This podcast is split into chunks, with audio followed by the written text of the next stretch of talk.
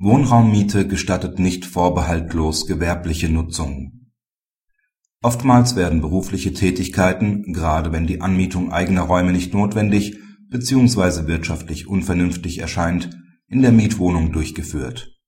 Zumindest für den gewerblichen Bereich ist dies aber nicht immer, jedenfalls nicht ohne Erlaubnis des Vermieters, zulässig, und der Mieter wird insofern als beibringungspflichtig behandelt weil der Beklagte trotz entsprechender Abmahnung seine gewerbliche Tätigkeit als Immobilienmakler in der von ihm angemieteten Wohnung nicht unterlassen hat, verlangt der Vermieter nach einer fristlosen, hilfsweise ordentlichen Kündigung des Vertrags Räumung und Herausgabe.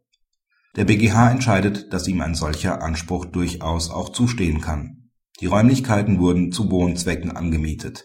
Dies schließt eine gewerbliche Tätigkeit des Mieters aus Dafür bedarf es auch keiner ausdrücklichen Vereinbarung eines Erlaubnisvorbehalts. Nur in Ausnahmefällen kann der Vermieter gehalten sein, eine solche Tätigkeit zu dulden. Dies ist etwa dann der Fall, wenn nach deren Art und Umfang Einwirkungen auf die Mietsache nicht zu erwarten sind und andere Mieter des Gebäudes nicht beeinträchtigt werden.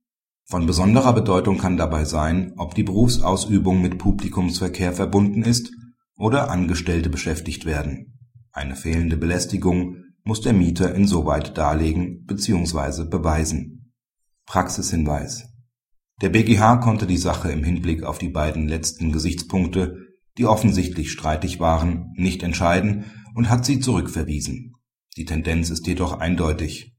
Sobald über die Wohnnutzung hinausgehende Beeinträchtigungen gegeben sind, kommt ohne Erlaubnis die Ausübung einer gewerblichen oder freiberuflichen Tätigkeit nicht in Betracht die zum Mietrecht ergangene Rechtsprechung stimmt zudem mit derjenigen der Obergerichte zum WEG bei der Nutzung von Wohnungseigentum zu beruflichen Zwecken überein